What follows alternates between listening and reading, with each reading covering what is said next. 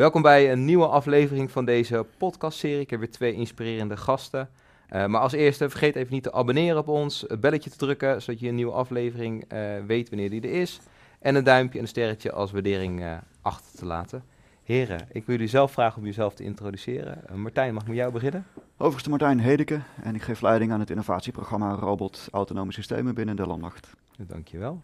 En Julien? Julien de Oude, Mailrem Robotics en ik ben verantwoordelijk voor de Nederlandse BV en de vestiging in Nederland. Dankjewel voor deze introductie. Ik wil jullie gelijk uh, de tweede stelling uh, voorleggen.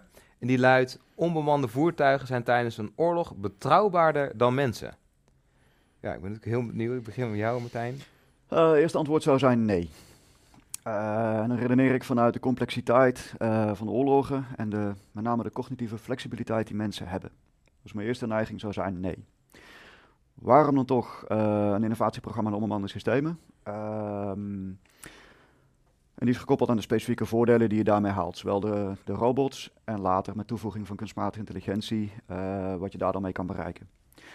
Dus als ik zou moeten kiezen voor betrouwbaarheid en ik zou moeten kiezen tussen of mensen of robots, zou ik altijd kiezen voor goed opgeleide uh, militairen die competent zijn in het denken en goed kunnen uh, zich goed kunnen handelen in die complexiteit van die oorlog. Maar is dat nog alleen nu als je kijkt? Of zou dat ook, denk je, in de toekomst als je kijkt naar uh, gebruik van de ontwikkeling van de AI en dat soort dingen? Zou dat nog veranderen? Nou, ik redeneer minder vanuit robots of mensen. Uh, het is oorlog draait om mensen. wat mensen willen, wat mensen elkaar aandoen. En het menselijk beoordelingsvermogen daarin. en de menselijke ethiek daarin. Robots zijn een aanvulling. Robots zijn middelen om taken uit te voeren. En ik denk als we het zo op die manier benaderen, uh, dan blijft die centrale rol van die mens belangrijk en geborgd. En dan zien we robots louter als een tool, een middel, om bepaalde taken onder hoog risico uh, uit te voeren. En dan gaan we die taken met die robots zo goed mogelijk uitvoeren. En als we dat zo goed mogelijk doen, ook met kunstmatige intelligentie, dan zullen we zien dat die betrouwbaarheid voor in die specifieke context van die specifieke taak, dat dat betrouwbaar kan. Ja. Hoe kijk jij daarnaar? Nou, ik denk dat het absoluut een mix is. Uh, ik denk dat de mens centraal staat en dat de mens uh, leidend is. Uh, ook in de complexiteit van de oorlog. Daar, daar onderschrijf ik Martijn zijn, wat hij net heeft gezegd, dus dat zal ik niet herhalen. Um, ik, ik, sta daar precies hetzelfde zo in. Ik denk dat de mix juist heel erg in de toekomst steeds meer toe gaat nemen. Met name in hoog risico, laten we zeggen, operaties. Uh, waarbij je dan eerst een robot inzet, uh, ten einde in ieder geval slachtoffers te voorkomen. Ja. Uh, en toch een robot als een wingman in te zetten, met een bepaalde taak in te zetten. Maar ik denk dat de mens altijd aan de knoppen zit om dit in te zetten. en ook vanuit een stukje ethiek de inschatting te kunnen maken, wat een robot natuurlijk niet kan maken. Kijk, we zijn vrij we gaan ook steeds verder met uh, autonomie in, in robots, uh, ook op onze platformen, ja. onze UGV's. Alleen uiteindelijk um, heeft de mens bepaalde kwaliteiten, maar ook het denkvermogen, wat, wat we niet heel snel in een robot uh, kunnen, kunnen aanbrengen. Nu nog niet in ieder geval. Het gaat natuurlijk wel heel snel, de ontwikkelingen. Maar ik geloof zeker nu dat uh, waar we nu staan in de komende jaren, dat de mens altijd in controle is. Ja, en als je nu kijkt de, uh, naar um, een oorlog zoals in Oekraïne nu uh, bezig is, hoe erg worden daar dan nu al robots eigenlijk ingezet? Hebben jullie daar een beeld van? Ja, dagelijks. 10.000 drones per maand, alleen aan de Oekraïnse zijde als verbruiksartikel voor diverse taken. Uh, met name situation awareness, dus het overzicht bewaren over het gevechtsveld. Doelensporing, doelinformatie doorgeven. We zien de introductie van de eerste onbemande grondvoertuigen al. Uh, eerst voor logistiek, het afvoeren van gewonden of het opvoeren van munitie. Het ruimen van achtergebleven munitie, zoals mijnen. Uh, recent de eerste filmpjes van ook bewapende robots die een aanval doen op een Russische positie gisteren nog een filmpje gezien waarbij een robot met explosieven erop naar een kleine brug rijdt. Door dat uh, betwiste gebied heen uh, bij de brug aankomt en op afstand tot ontploffing wordt gebracht om die brug uit te schakelen. Ja. Het is uh, alom aanwezig, het is, heeft een enorme vlucht genomen. En met name de kleine drones worden op grote schaal door beide partijen met grote gevolgen gebruikt. Ja, want is dat, hoe kijk jij daarnaar als, als natuurlijk... Ehm, ook fabrikant van onbemande voertuigen, het effect wat het nu heeft? Ja, het gaat natuurlijk in een enorme stroomverstelling. Ehm, en ja, de UGV's worden eh, en, en, eh, en ook drones worden ruim ingezet in de, in de Oekraïne. Ook eh, onze platforms maken daar deel van uit. Ehm, en met name ehm, nog niet gewapend, in, in ons geval, maar wel voor een stukje clearen. Clearing en een stukje cashyvac worden ze zeker ingezet. Ja. ja, dus dat leidt eigenlijk ook toe dat als je dus onbemande voertuigen kan gebruiken om, nou, zoals je zei, mijnen te ruimen, dat soort dingen dat de kans op slachtoffers, zowel als burger, maar ook als militair, natuurlijk dan kleiner wordt. Dat is een van de belangrijkste redenen om voor onbemand te gaan. Uh, zend geen persoon uh, om het risico te lopen als je voor diezelfde taak een robot kunt sturen. Ja. We bewaren zoveel mogelijk, of we geven veel waarde aan onze mensenlevens. Ehm, en als je die robot, het is bijna verplicht om voor een zeer risicovolle taak, als je de robots hebt, eerst de robot te gebruiken. Ja. Uh, bijvoorbeeld voor doorbreken van zo'n ja, gelaagd systeem van, van, van hindernissen. Van een verdedigingslinie die extreem bemijnd is. Ja, ook de Oekraïners hebben het geprobeerd tegen een groot aantal slachtoffers. Dat zijn juist uh, bij uitstek door context en de taken uh, waar robots voor bedoeld zijn. Ja. ja. en wat je ook ziet natuurlijk, stel dat je het wat, wat kleiner pakt in een, een, een Casivac uh, je legt je gewonden op een platform, op een UGV.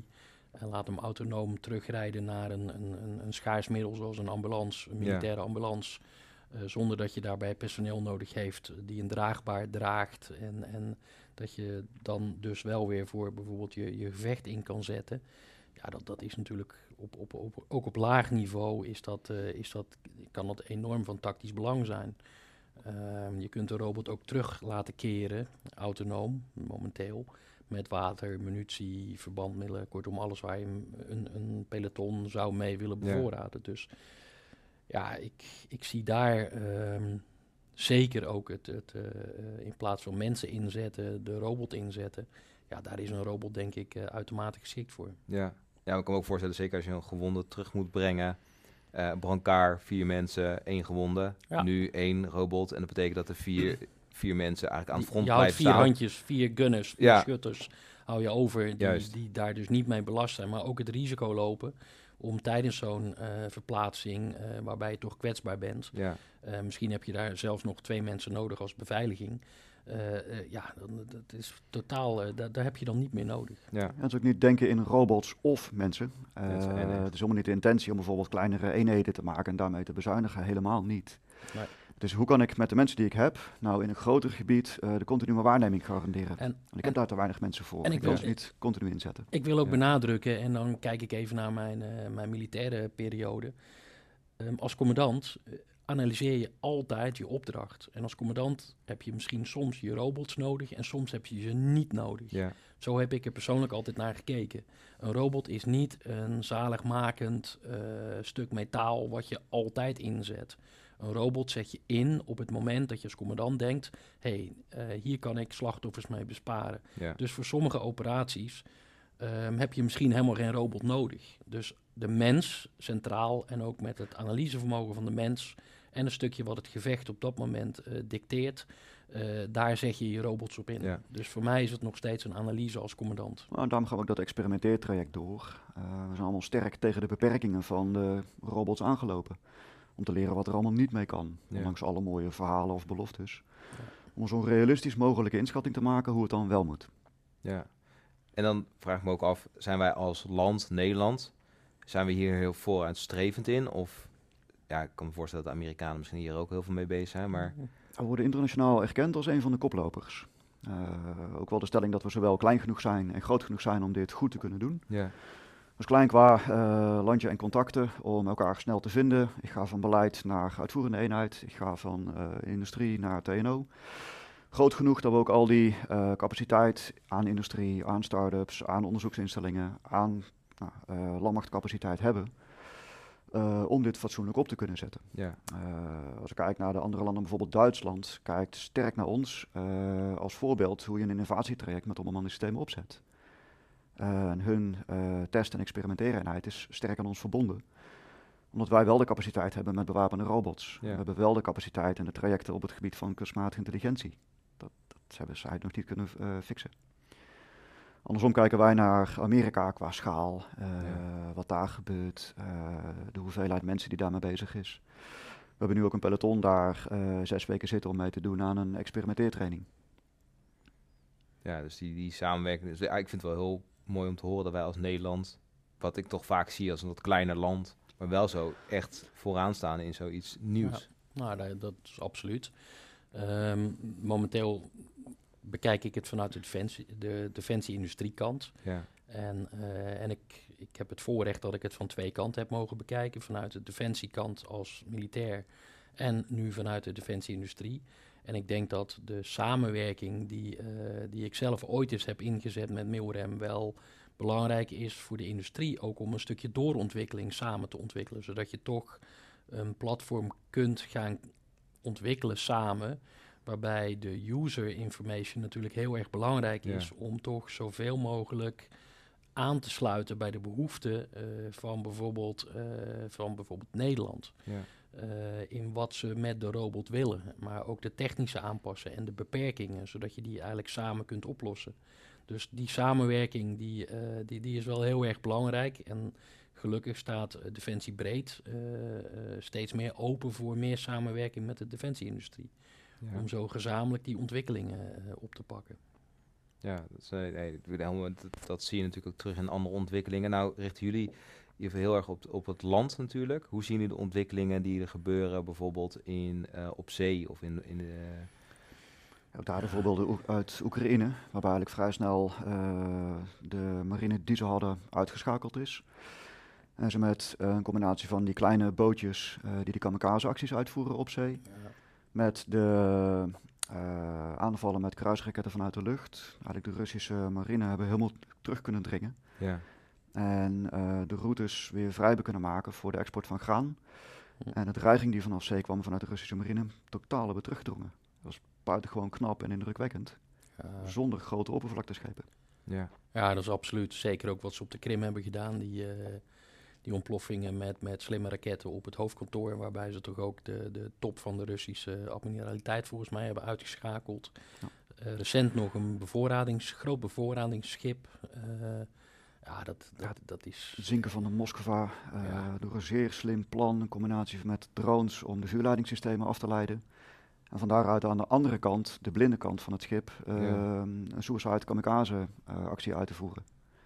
Buitengewoon intelligent gebruik, eh, met operationele geheimhouding. En dan zie je dat onbemande systemen tot hun recht komen. ja dat, dat is natuurlijk ook wel het effect waar we, waar we naartoe gaan. Wat vroeger allemaal puur mensenkracht was. Qua eh, de- bom op de juiste plek leggen, eh, de, de opdracht uit te voeren. Kan je nu misschien een snelle drone gebruiken, robot gebruiken. Nou, dit was denk ik een hele goede mix tussen eh, eh, human en robots. Nou, de mens bede- bedenkt het plan, Bedenkt, de ja. mens eh, schat de context in, de mens eh, selecteert de beste optie.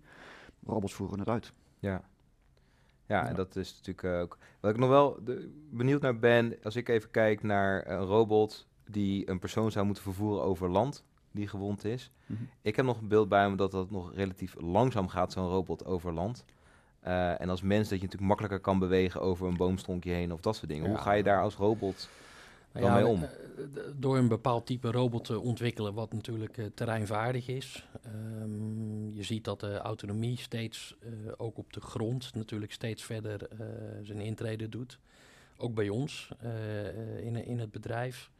Ehm, daar waar het in de lucht en op het water natuurlijk makkelijker navigeren is. Ja. eh, en we hier, eh, zeker voor de UGV's heb je het over militaire navigatie. En eh, het, is, het is enorm moeilijk.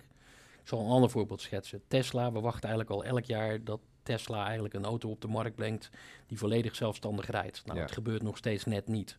Maar dat is puur de voertuigautonomie op de befaande, be- bestaande infrastructuur. Voor een militaire robot is het enorm moeilijk en daar kampen eigenlijk alle industrieën mee die een, een platform produceren en daarbij autonomie. eh, om de robot te leren dat eh, een wuivend eh, struikgewas dat dat niet een militair is of een mens Ja. is. Water of hoog gras of ehm, een, een dicht bosgebied. En wat ik nu wel zie, is dat we daar, daar maken we ook een, nu een enorme stap van. Om toch ook de robots en, en de autonomie, autonomie eh, producten die we daarop leveren. Dat gaat ook wel steeds beter. Het is wel moeilijk, veel moeilijker Ja. als in, in, in, in de lucht en op, op, op het water. Maar uiteindelijk gaan we die doorstap wel maken. Dus dan, om jouw vraag te beantwoorden, ja, het is moeilijk, maar door meer, eh, ja, door de kennis die we ontwikkelen, eh, zien we dat platforms steeds meer in staat zijn om autonoom ook zich te verplaatsen en hindernissen te ontwijken. Ja. Het is, zit nog een pad in, laat ik het zo zeggen. Ja, maar de, ook door, als ik jullie goed heb begrepen, door het gewoon te doen en steeds maar met elke keer als je een ontwikkeling hebt gedaan, weer uitproberen in het echt. Wat doet dat? Nou, en dat, maakt eigenlijk ervoor dat die innovatie een, goed, een goed voorbeeld is, Martijn eh, noemde dat het peloton nu in Amerika aan het oefenen is. Nou, ons autonomieteam eh participeert daarin mee eh, eh, om, om te kijken goh, in hoeverre het pakket nu werkzaam is en Ja. ook doet wat, we, wat, wat we moet doen. En we proberen dat dan ter plaatse met de, de, de slimme systeemarchitecten aan te passen en, en ook weer te leren, zodat we constant verbeteren. En, en, en dat is een stukje de samenwerking die je dan opzoekt. Ehm, ja, dus da daar, dat is een win-win situatie. Ja, Ja, het is een herhaalde cyclus van bouwen, meten, leren en begin klein. Ja. Dus eh, één taak in een relatief simpele omgeving met één robot. En als dat lukt, dan kun je de volgende stap maken. Ja. Gewoon een taak toevoegen, wordt de omgeving wat complexer. Eh, en zo breid je dat uit. Eh, terwijl bij mensen die gaan met hun opgebouwde ervaring en kennis en denkvermogen veel makkelijker van de ene context naar de andere context. Ja. Daarom zijn die in principe ook betrouwbaarder ja. daarin. Terwijl robots goed werken in een eh, bekende taak, in een enigszins eh, gestructureerde eh, context, dan kan die robot heel goed die taak uitvoeren. ja. En daar bouw je ze voor. Eh, dus wees voorzichtig met dan het, de transfer van context.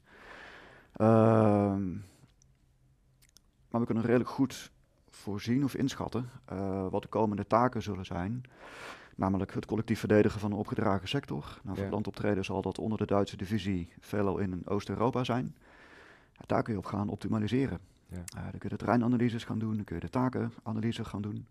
Dan selecteer je de meest succesvolle use cases, eh, gekoppeld aan de meest urgente problemen. Eh, het continu bewaken van de sector, het beveiligen van de sector. en daarop gaat dan je investeringsprogramma zich Ja. gericht, eh, zal zich gaan richten. Ja, en dat is hier ook dat die samenwerking had jij over met, over met Duitsland. Dat is ook naar jullie heel erg kijken. Is het ook dat jullie samen investeren in zo'n ehm, project als dit? Mm, Nog niet, wel in menskracht. En het beschikbaar maken van bijvoorbeeld Duitse experimenteercapaciteit gekoppeld aan eh, Nederlandse onbemande systemen. Dat wel, eh, ook dat komt weer bottom-up. Ook dat geven we samen vorm. Eh, het is nu nog te vroeg om over wat grotere investeringen samen te, te echt te gaan plannen. Ja. Dat moet wel gaan komen, dat maakt ook samen sterker. Eh, en daar we de komende twee, drie jaar eh, continueren we het concept development en experimentation traject daarvoor. Ja. En dan vraag ik me af, ehm, het zijn natuurlijk, eh, de, jullie gebruiken denk ik Engels als taal die je met de robots spreekt, zeg maar. Of, want wij bouwen natuurlijk voor de Nederlandse divisie, maar ik kan me voorstellen als je internationaal moet gaan wer- samenwerken in een NAVO-setting, dan is dat dan is dat zo voor dat de computer dan in het Engels is, of is dat? Nou, de taal onderling gaat veelal tussen de soldaten. Dat is in het Engels, Ja. eh, tenzij een Nederlander heel goed Duits spreekt. Dat is eigenlijk de NATO-taal van eh, het maken van een tactische opdracht. Eh, het vijf paragraafbevel is daar bekend voor. Dat is allemaal interoperabiliteit tussen soldaten, tussen mensen. Ja. Ja. Technische taal, ja, het is bedienen van een robot met een joystick. Eh, we geven ze een opleiding op de systemen, dat gaat in taal in het Engels. Ja. Eh, de hardware bedienen is nou, veel met die joysticks. De software is eigenlijk zo intuïtief mogelijk gemaakt, met bijvoorbeeld de waypoints uitstippen op een kaart. Oh ja. Ja, dat, dat is de universele taal. Ja. Dat proberen we zo makkelijk en zo toegankelijk mogelijk te maken. Ja, helder. Dankjewel voor het beantwoorden van deze stelling. En dan ga ik jullie meenemen naar de volgende.